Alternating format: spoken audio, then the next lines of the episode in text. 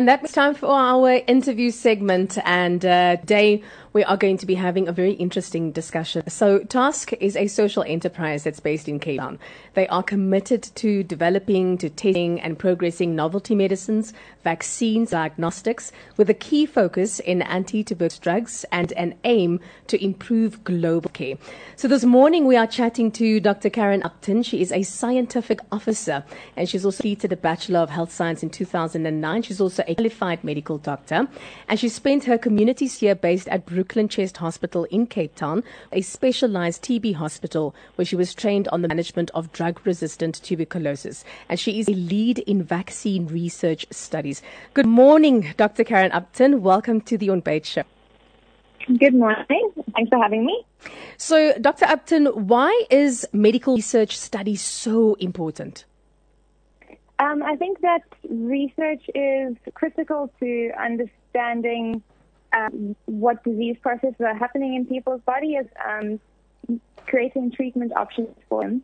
Um, that's what we aim to do with the vaccine studies task is involved in at the, at the moment. Mm. we have previously been focused on um, respiratory diseases like um, flu and uh, other sorts of respiratory viruses, and obviously with the COVID pandemic, we've now sort of pivoted our focus to uh, COVID. Okay, so at the moment, there's been uh, some news doing the rounds regarding a vaccine for COVID 19. And uh, what point are we at when it comes to this in the uh, medical research field? Uh, yes, there has been some very uh, exciting news this week about the, the Pfizer vaccine showing pretty good um, early data um, that was released earlier this week. Um, I think uh, as, as, much as this is a, a great uh, start or a great first sort of um, news come out, we have a lot more research that we need to be done. Mm. Um, in terms of the Pfizer vaccine specifically, we are not sure exactly whether it prevents infection uh, or whether it just prevents disease.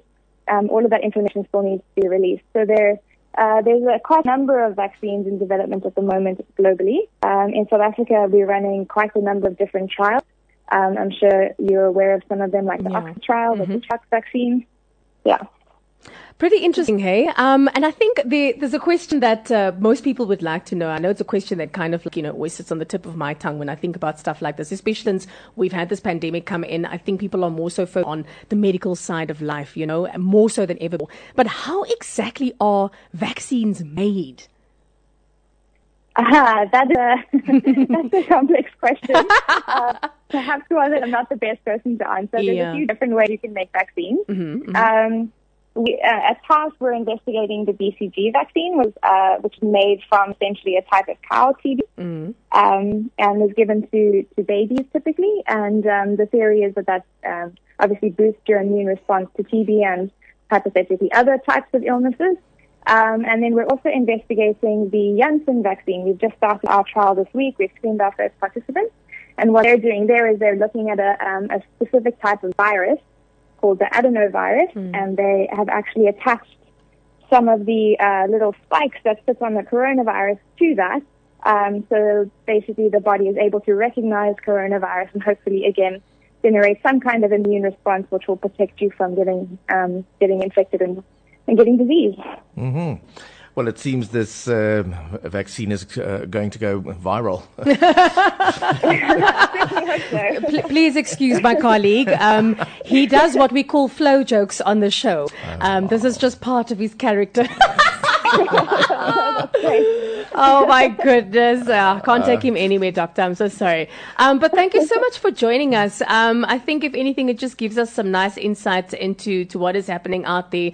Um, I'm sure people like yourself, you guys, are probably burning that midnight oil 24 hours a day, um, trying to make sure that we do come up with some fantastic vaccines that can help us at the end of the day. So thank you so much for doing the service that you do and for also joining us on the show this morning again, thank you so much for having me. And we can only do what we do with the with the help of the volunteers who, who come onto the trial. So Wonderful. if there are any listeners who are interested, please mm. let us know.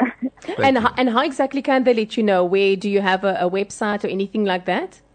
Um, there's information about our vaccine trials on our website, which mm. is uh, www.park.org.za. Super, thank you. Thank you very much for joining us. Take care. Enjoy your day. Pleasure. You too. Okay, bye-bye. Bye.